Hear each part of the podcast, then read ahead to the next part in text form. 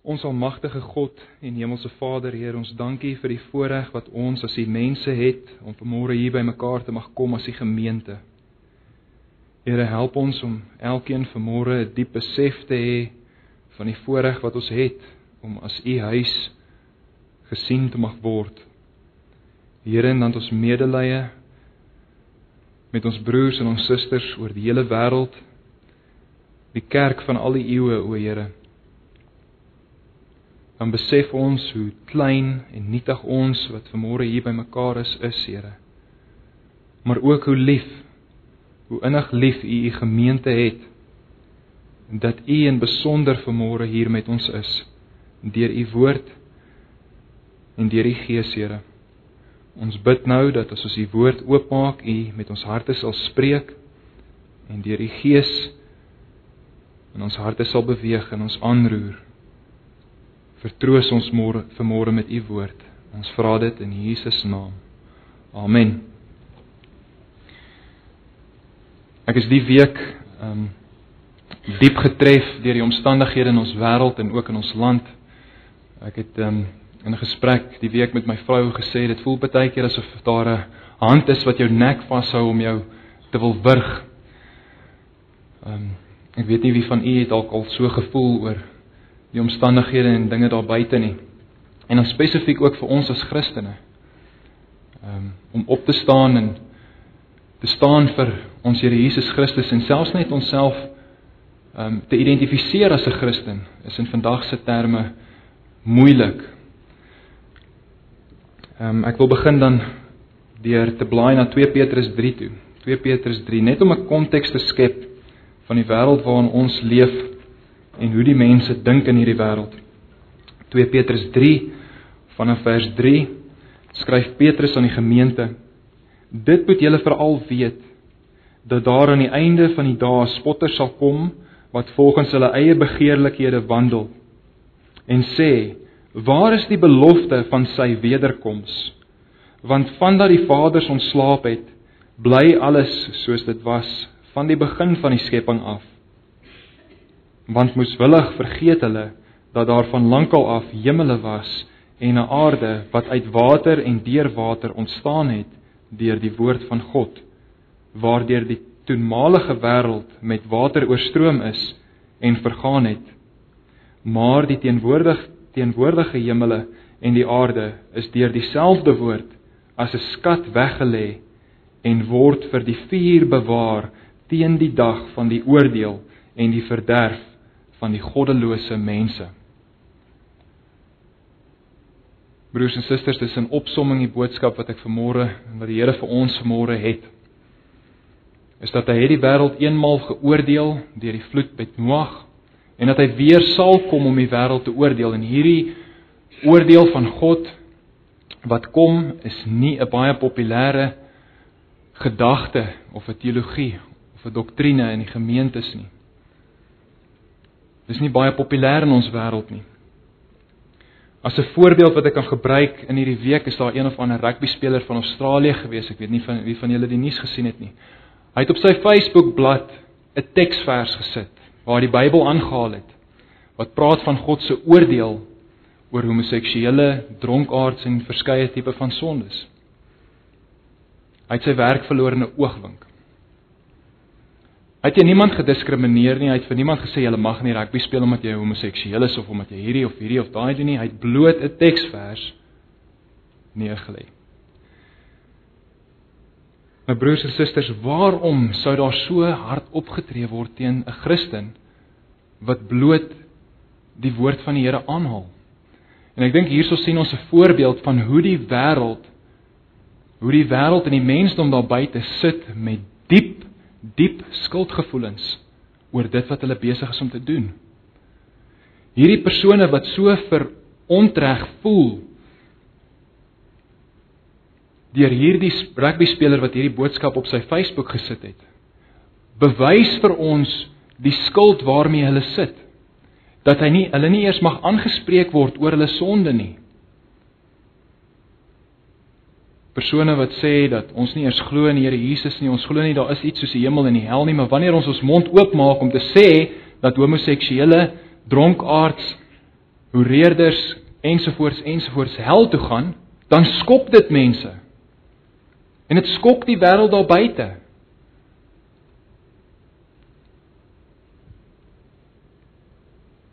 Hierdie Christene wat mense uitsluit, wat so af afskuwelik optree. Hulle haat ons. Ons moet optree teen hierdie mense wat so van ons praat, van ons sonde.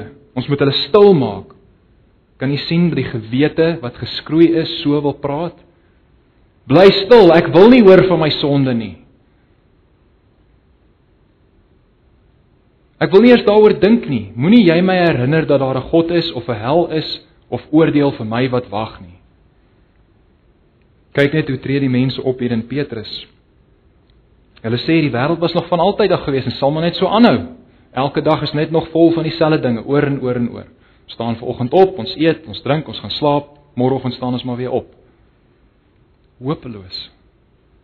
Hopeloos as die wêreld net so moet aangaan en aangaan en aangaan. Dis asof 'n mens in 'n tuimeldroër vasgevang is, met geen punt, geen sin in hierdie wêreld nie. Maar dis 'n gemaklike plek om te wees. En dis waar die wêreld wil wees. Ons sien dan hoe die wêreld die waarheid van God onderdruk. Romeine 1 beskryf hoe God die wêreld oorgee aan hulle sonde. Die wêreld wat die waarheid onderdruk en God gee dan die mens uiteindelik oor aan hulle sonde. Ek het in die week 'n gesprek gehad. Ons lees in Romeine 1 dat God die mense oorgee en dan lees ons van homoseksualiteit daarso. Ons so 'n paar weke terug het ek aan die genoem van hierdie ehm um, die Engelse woord transseksuele mense. Mans wat nou as vrouens geïdentifiseer word en vrouens as mans en so voorts. En dit wil vir my voorkom asof die mense daai stappie verder gegaan het na die verderf toe, waar God net in Romeine 1 praat van homoseksualiteit, het die mense nou heeltemal oorboord gegaan as dit ware.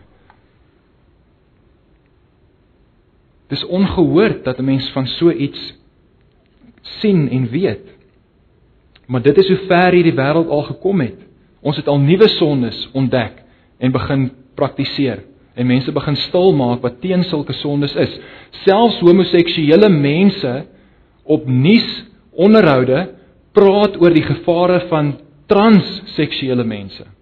Mense wat sê ons hoef nie eers te weet of ons man of vrou is by geboorte nie. Daar is nie eers so iets nie. Hoe ver het die mensdom gegaan in sy rebellie teen God? En hierdie dinge neem toe soos 'n sneeubal wat aan die rol is wat 'n mens nie kan keer nie en as hy 'n sekere punt bereik is dit asof 'n mens niks daaraan kan doen nie. Dat as jy in die pad gaan staan, gaan jy net vernietig word. En ons kom vinnig by daardie punt uit, mense, geliefde gemeente. Luister net na die afgelope 50 jaar se geskiedenis. Ek noem as as voorbeeld een land in ons westerse kultuur byvoorbeeld Amerika. Vanaf 1960 het egskeidingssyfers verdubbel. Egskeiding in die laaste 50 jaar in Amerika het verdubbel. Die aantal huwelike van mense van 'n sekere ouderdomsgroep, mense wat in die huwelik wil intree, mense wat wat wat wil trou, het gehalveer in daardie selfde tydperk. Nou kan jy dink as helfte van die hoeveelheid mense wat in daai selfde tydperk getrou het, hoe kom 'n mens by dubbel die hoeveelheid syfers van egskeidings uit?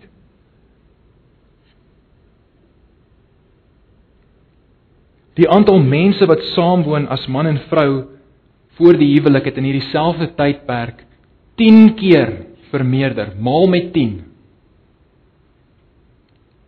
Stygings van 1000% in die getalle. Teen die jaar 2000, dis nou al 20 jaar gelede, is byna 80% van enkel lopende vroue in Amerika al seksueel aktief. 80% van enkel lopende vrouens 20 jaar gelede al is dit die statistiek. Waar dit in 1960 ongehoord was. Die minderheid mense En dan kom ons nou in 2020 waar ons al sien hoe ouers kan vervolg word vir familiegeweld. Familiegeweld teen hulle kinders omdat hulle wil weier dat hulle kinders hormoonbehandeling kry. 'n Vrou 'n dogtertjie van 14 jaar wat wil identifiseer as 'n man mag nie testosteroon geweier word by die hospitale nie.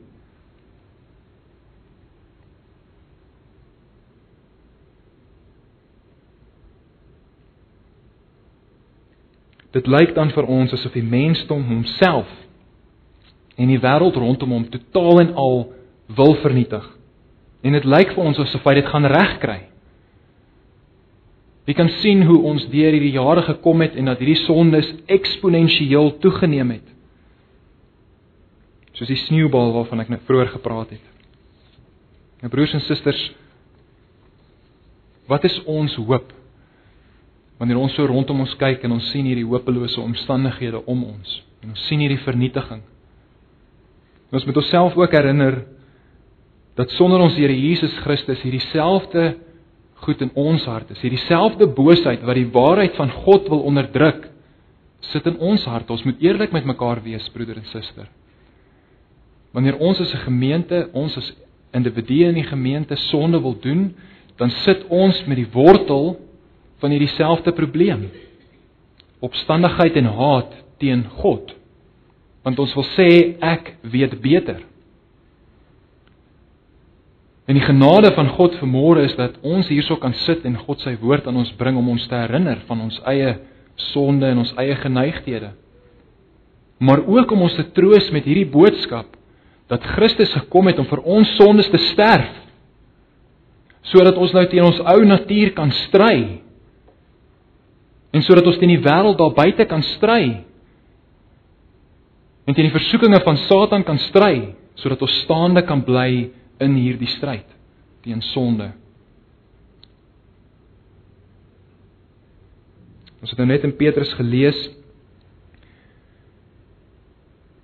in vers 7 dat die teenwoordige hemel en aarde is deur dieselfde woord hierdie woord van God as 'n skat weggelê en word vir die vuur bewaar teen die dag van oordeel en die verderf van die goddelose mense. Soveel as wat hierdie wêreld probeer en hierdie mense in die wêreld probeer om homself en die wêreld te vernietig, terselfdertyd is God besig om hierdie wêreld nog aan mekaar te hou vir die dag van sy oordeel. Christus alleen het die reg die autoriteit en die voorreg om hierdie wêreld totaal en al te vernietig en te veroordeel. En dit is die boodskap vanmôre wat God aan ons het. Ons hoef nie moedeloos te raak en te dink die mensdom gaan ons oorwin nie. Die mensdom gaan die aarde vernietig nie. Hierdie aarde sal geoordeel word en vernietig word deur die vuur van die Here Jesus Christus. En dan kom ons vanmôre by ons teksgedeelte in Openbaring 19. Ek vra dat julle Bybels oopmaak by Openbaring 19. Ek gaan vir ons lees vanaf vers 11 tot by vers 16. Hier aan die einde van die boek Openbaring sien ons uiteindelik hierdie beeld in die in vers 11 sien ons dat die hemele geopend is vir Johannes en hy skryf wat hy daar sien. Nou dis die eerste keer in die boek Openbaring wat die hele hemel geopend is. Dis asof Johannes op die aarde staan en die hemel is geopen en hy slaan sy oë op en hy sien hierdie beeld. Tot dusver in die boek Openbaring het Johannes 'n deur in die hemel gesien om te sien wat daar gebeur. Of hy's opgevat na die hemel toe om in die hemel te staan en van die hemelse perspektief af te sien wat daar gebeur. In hierdie gedeelte staan hy op die aarde en hy sien die hemel geopen. En kom ons lees, wat sien hy daar? Toe het ek die hemel geopen gesien en daar was 'n wit perd en hy wat daarop sit word genoem getrou en waaragtig. En hy oordeel en voer oorlog in geregtigheid.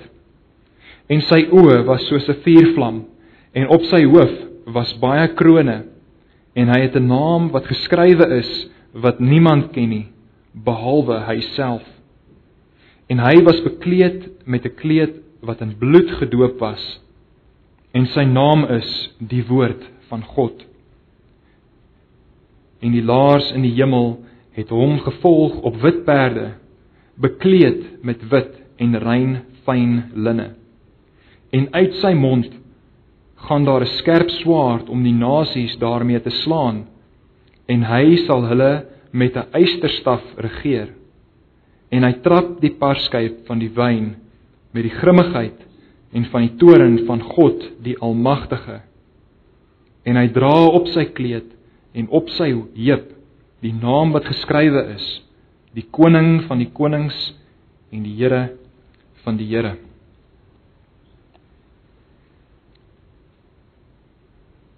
Broers en susters is nie 'n beeld waarmee ons gereeld te doen kry in ons wêreld nie. Soos wat ek gesê het, dis nie 'n populêre idee van ons Here Jesus Christus wat in sy oordeel sal kom om die wêreld te oordeel nie. Ons hou selfs nie eers van die idee dat God mense aan hulle sondes oorgee en dat wanneer ons iemand sien hierdie sondes praktiseer soos homoseksualiteit ensovoorts en ons wys dit uit as die oordeel van die Here dis nie 'n populêre idee nie mense wil dit nie hoor nie Mense wil dit nie sien nie, maar dit is vir ons as 'n gemeente hier vanmôre en as 'n Christ vir Christene spesifiek 'n troosboodskap. Dat sonde nie op die ou einde die oorhand sal kry nie.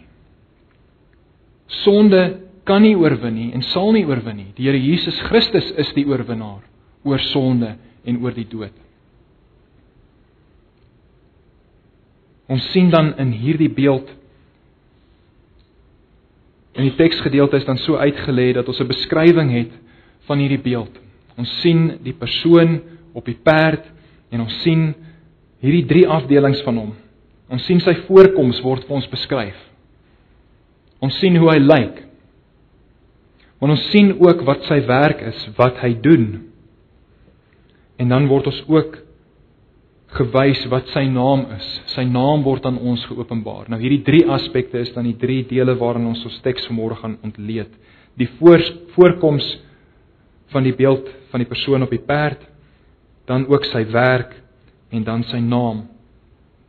Net om julle aandag daarop te vestig, in die middel dan van hierdie teksgedeelte sien ons vers 14 Die enigste plek waar ons lees van iemand anderster as hierdie persoon op die perd sien ons die laars in die hemel het hom gevolg op wit perde bekleed met wit en rein fyn linne. Maar net so vinnig Ek is nie presies seker wie hierdie laars mag wees nie, die engele, dit kan mense wees. Ek wil nie nou op daardie besonderhede ingaan nie, maar wat ons wel hierso kan sien is dat daar 'n kontras is met die kleed van die persoon op die perd en die kleed van die laars in die hemel. As 'n mens dink aan 'n oorlog waar die ruiters op hulle perde ingaan en oorlog voer, dan verwag 'n mens dat almal wat oorlog voer en mense se ehm um, die oorlog voer dat hulle vol bloed sal kom vanuit die oorlog. Maar ons sien hierso iets baie opvallend. Die laars van die hemel is bekleed met wit en rein fyn linne. Ironies. 'n Laar is veronderstel om oorlog te maak. Maar ons sien hierso dat hulle gekleed is in rein fyn wit linne. Daar is geen merke van oorlog op hulle nie. Al die merke van die oorlog is op hierdie een beeld en dit is 'n beeld van ons Here Jesus Christus, hierdie persoon wat bekleed is met die kleed wat bloed op het. Nou kom ons ontleed dan hierdie beeld van die Here Jesus Christus, hoe hy aan Johannes verskyn het uit die hemel uit. Kom ons ontleed sy voorkoms. Ons sien sy voorkoms dat hy oë soos vuurvlamme het. Ons sien dat hy krones op sy hoof het. Dat sy kleed in bloed gedoop is en dat 'n skerp swaard uit sy mond uitgaan. Dis hierdie vier aspekte dan van die voorkoms van die ruiter op die wit perd. Ons sien dan sy oë en dan ook sy mond. Ons sien sy kleed en die kroon op sy hoof. Sy oë wat soos 'n vuurvlam is. Die oë is waarmee 'n persoon sien. En 'n mens kan ook as soos wat die die spreekwoord lei, ek sien jou persoonlikheid of ek sien jou hart in jou oë. 'n Mens kan maklik as iemand openlik en gemoedelik is, kan sien in sy oë wat is hy besig om te dink. En dit is wat ons dan sien in hierdie oë van hierdie ruiter. Sy oë is soos 'n vuurvlam. Mens kan sien daar is wraak en woede en toorn in sy oë. As ons dink aan die beeld van ons God wat vir ons beskryf is in Hebreërs dat God 'n verterende vuur is, dan sien ons hierdie beeld van hierdie ruiter op die perd en dan is sy oë soos 'n vuurvlam. Hy is die instrument dan van God se oordeel, ons God wat 'n verterende vuur is. Ons sien dan verder, as ons verder kyk van sy oë af, sien ons die krone op sy hoof. Krone as meervoud, nie net een kroon nie, maar krone. Hy is definitief 'n koning wat baie konings al verslaan het. Dis asof 'n koning wat 'n ander koning verslaan het, sy juwele aantrek, sy mantel aantrek of iets van hom vat om te wys ek het daardie koning, daardie koning, daai koning verslaan. En dit is wat ons sien Christus op sy hoof het, is hierdie konings wat hy verslaan het, se krone op sy hoof. So wat ons wel kan sien is hierdie stryd wat Johannes sien in die hemel is 'n voortdurende stryd. Dit is wat nou besig is om te gebeur. Broers en susters, en nou mag julle dalk vra maar sit Christus nie nou aan die regterhand van God waar hy vir ons intree nie? Broers en susters, dan moet ek julle herinner ook dat God nie 'n mens is soos ons wat beperk word net deur een taak op 'n slag nie. God kan al sy werk, al sy werke, verskillende werke, werke van liefde, van oordeel, genade, al daardie werke kan God terselfdertyd doen. En vir ons is dit onbegryplik. Ons kan nie verstaan hoe iemand so iets kan regkry nie, maar ons moet weet dat God God is en ons is maar net 'n mens. Ons is maar net mense. Ons is beperk deur beperk deur ons dat ons geskape is, deurdat ons so geskape is, gebonde is aan tyd en aan die materiële. Ons sien dan ook in hierdie selfde beeld net om die om die om die prentjie duideliker te maak dat hierdie leers in die laars in die hemel hulle ervaar Christus weer anders as die wat geoordeel word, as die wat met die swaard vernietig word.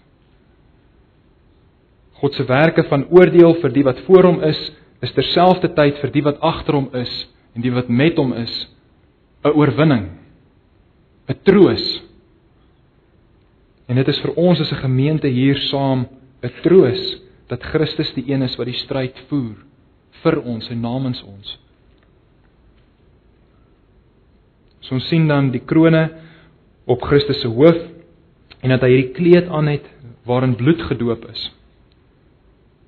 Die bloed wat gedoop is is die vyande wat hy reeds verslaan het. Die bloed van die vyande wat hy reeds verslaan het. Saam met hierdie beeld van oorlog voer kom die beeld van die parskyp wat getrap word.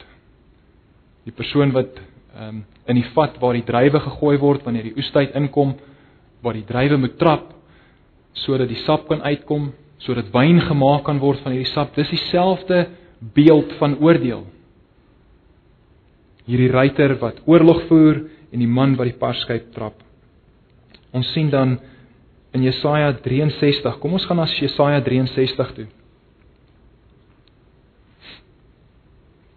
Ons sien in Jesaja 63 'n profesie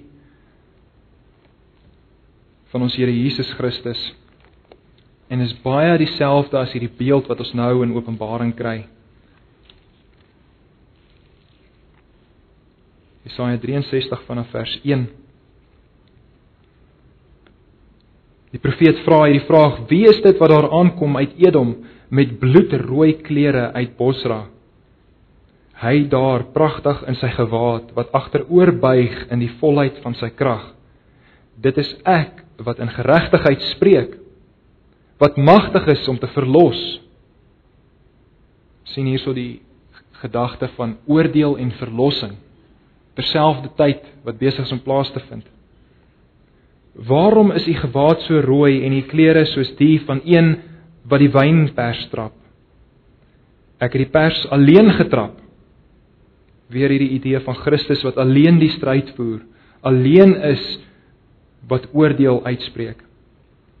En van die volke was niemand by my nie en ek het hulle getrap in my toorn en hulle vertrap in my grimmigheid sodat hulle lewenssap op my klere gespat en ek my hele gewaad bevlek het. Want die dag van wraak was in my hart en die jaar van my verlossing het gekom. En ek het uitgekyk, maar daar was geen helper nie. En ek het my verbaas, maar daar was niemand wat my ondersteun het nie. Toe het my arm my gehelp en my grimmigheid het my ondersteun. En ek het die volke vertrap in my toorn en hulle dronk gemaak in my grimmigheid en ek het hulle lewenssap op die aarde laat afloop.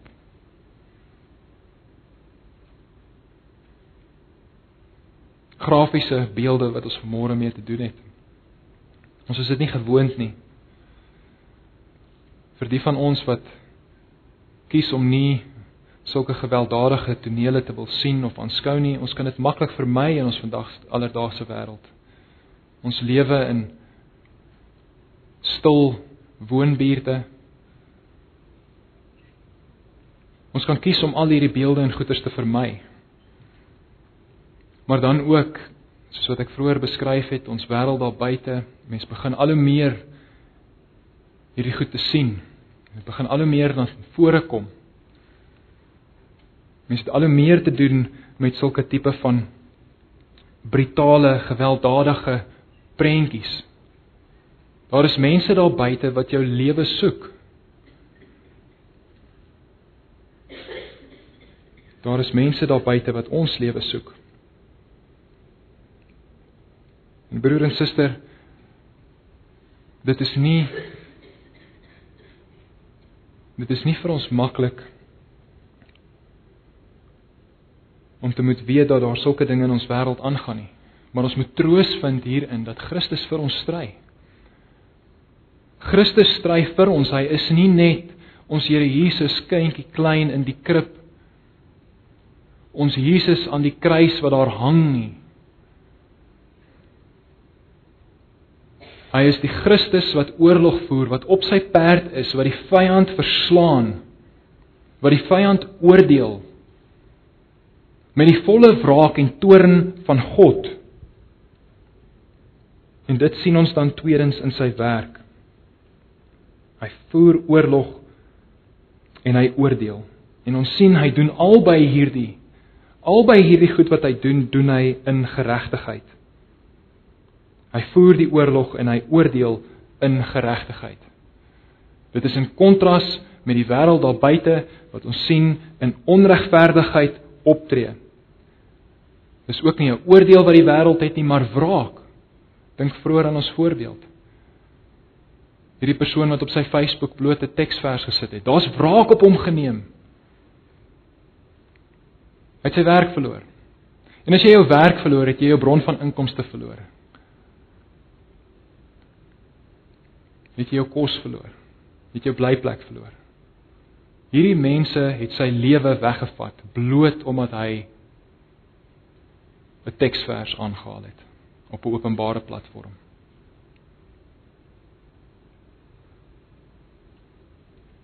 Broer en suster, is nie ver van ons gemeentes af waar ons sulke tipe van vervolging gaan beleef nie. Jy mag dalk iemand instap eendag en kom sit in hierdie gemeente en wag net vir iemand om iets te sê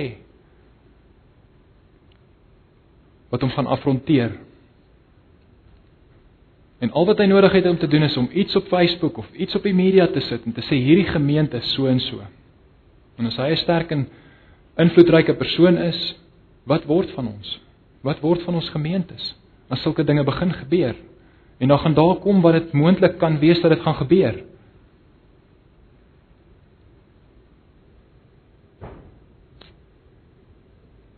Ek wil u vanmôre net troos met hierdie boodskap. Ek het nie antwoorde nie. Wat sal ons maak nie?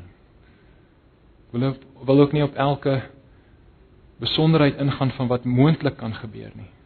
Ons is nie daar om spooke op te jaag nie. Ons is daar om ons aandag gefokus te hou op ons Here Jesus Christus en op sy werk. En ons sien dan dat uit Christus se mond uit hierdie beeld uit gaan daarso dan 'n swaard wat sy woord is. En hierdie swaard wat dan uitgaan is om die nasies te slaan. Nou hierdie werkwoord in ons teks is anders as al die ander werkwoorde. Dit dui 'n moontlikheid aan. Dat hierdie swaard wat uitgaan moontlik nasies sal verslaan. Dit hang af of God dit bedoel om die nasie te oordeel of om hom nie te oordeel nie. Hierdie woord van God wat vir ons lewe beteken, beteken vir die ongelowige oordeel en dood. Die swaard wat uit die mond van Christus uitkom, beteken vir die wat agter hom staan, die laars van die hemel, oorwinning. Maar vir die wat voor hom staan in die woede en in die wraak en in die oorlog, hulle word vernietig.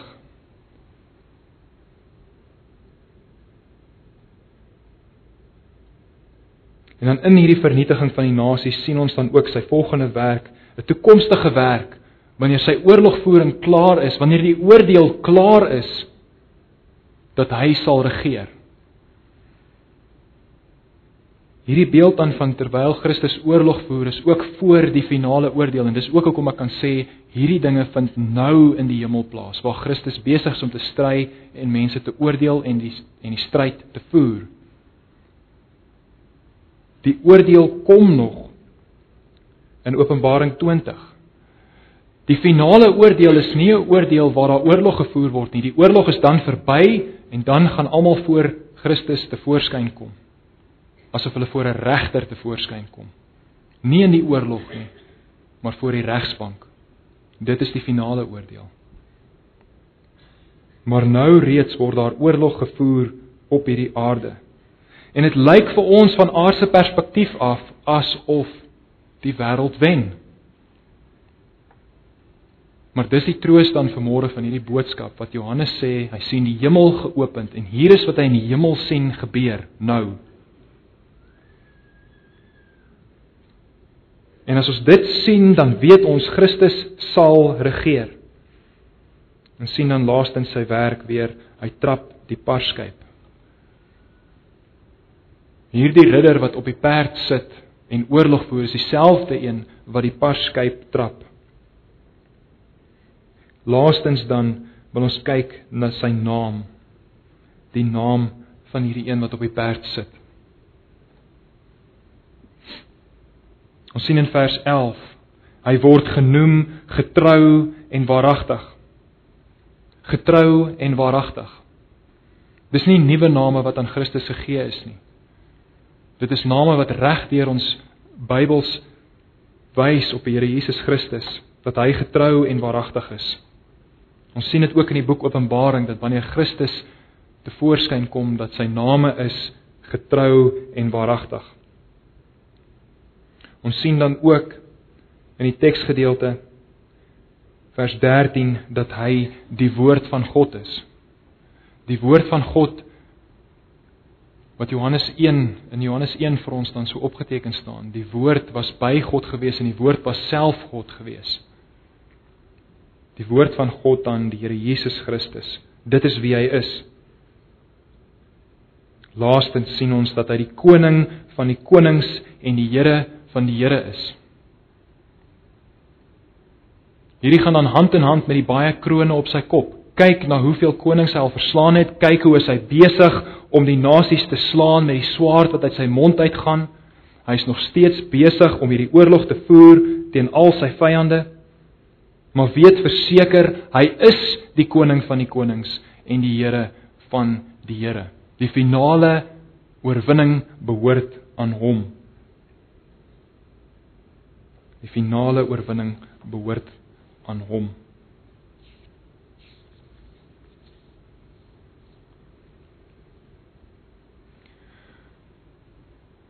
Dan net om af te sluit broer en suster, wanneer ons nou na hierdie beeld kyk en ons sien ons Here Jesus Christus in sy werk waar hy nou reeds die wêreld besig is om te oordeel en die nasies te verslaan, moet ons onsself herinner aan sy werk ook vir sy kerk. vir die van ons vir die van ons wat vir hom is en saam met hom is en in hom is. Vir ons is dit 'n vreugde boodskap wanneer God sy en ons vyande oordeel. Dit beteken hierdie wêreld waarin ons nou sit is nie in die hand van Satan en die bose magte of in die hand van mense nie. Dis in die hand van die almagtige God wat hierdie wêreld geskep het. En niks met hierdie wêreld gebeur tensy die God wat dit geskep het besluit dit sal gebeur nie. En ons het nou net gelees hy bewaar hierdie wêreld vir die dag van oordeel. Broer en suster, en dis nie te sê dat ons 'n maklike lewe op hierdie aarde gaan hê, dat God vir ons gaan stry en ons gaan net sit en nie van die ehm um, niks slegs sal met ons gebeur nie. Ons ervaar swaar kry, ons ervaar vervolging. Ons ervaar al hierdie dinge. Maar die troos vir môre is dat daar 'n God in die hemel is en sy seun Here Jesus Christus wat vir ons stry. Ons mag bemoedig word daardeur dat wanneer ons deur swaar kry gaan dat ons ons oë op ons Here Jesus Christus gefokus mag hou en weet dat hy ons sal herstel. Dit is die boodskap van sy evangelie. Hy het gekom sodat hy ons sondes kan vergewe en sodat ons op die pad van heiligmaking soos Christus gemaak kan word. En ons het 'n hoop vir die opstanding. Die ergste wat ons met ons kan gebeur op hierdie aarde is dat ons kan doodgaan. En wanneer ons doodgaan, ons as 'n gemeente en elke Christen hierso het die hoop op die opstanding. En dit moet werklikheid vir u wees, broer en suster, geliefde gemeente. Dit moet 'n werklikheid vir u wees die opstanding wat sal kom. Dis 'n werklike liggaamlike opstanding. Christus is ons verlosser, nie net van my gees en my gemoed hier in my binneste nie. Maar van my liggaam, my totale menswees word gered. En dan ook wanneer ons dink aan hierdie wêreld se vernietiging en hoe sonde hierdie wêreld probeer vernietig, dink ons aan die terselfdertyd dat God die wêreld so lief gehad het. Hy het sy skepping so lief gehad dat hy sy seun gestuur het sodat elkeen wat in hom glo nie verlore mag gaan nie maar die ewige lewe kan hê. Net soos wat ons getransformeer word na die beeld van Christus, net so ook word hierdie wêreld dan losgemaak van die vervloeking waaronder dit gesit is toe Adam en Eva gesondig het teen die Here. Christus se redding is soveel meer omvattend as net my persoonlike redding. Christus stry vir sy gemeente waarvan ek deel is, waarvan jy deel is. Dit gaan nie oor my as 'n individu nie, dit gaan oor die gemeente van die Here Jesus Christus waarvan ek een is.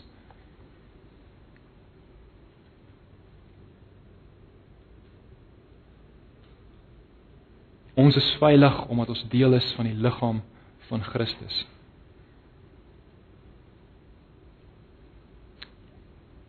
Kom ons dank die Here vir sy werk, vir sy gemeente en dan ook in die wêreld daar buite. Kom ons bid saam.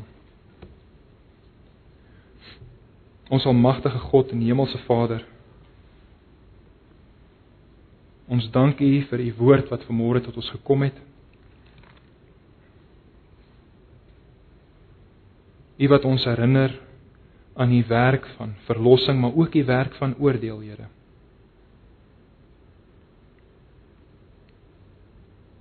Ek bid vir die gemeente vanmôre en vir elke een in die gemeente vanmôre dat U ons sal troos met die wete dat Christus vir ons die stryd stry. Here net elkeen van ons en ook as 'n gemeente 'n rol het in hierdie wêreld. Ons rol is om nie deel te neem aan die oordeel nie, Here, In die oordeel kom U alleen toe. Ons is nie daar om wraak uit te oefen op hierdie wêreld nie. Ons is daar om te bid vir hierdie wêreld en daarom te staan in U waarheid en in U woord. Help ons om die stryd so te voer dat ons in stilte sal staan Gee vir ons die krag en die genade om ons taak wat U vir ons gee uit te voer, Here. Ek bid vir ons dat ons sal aandag gee in ons gesinne, in die mense naaste aan ons. Elke man teenoor sy vrou, elke vrou teenoor haar man. Elke pa teenoor sy kinders, elke ma teenoor sy teenoor haar kinders. En dan ook vir die kinders teenoor hulle ouers.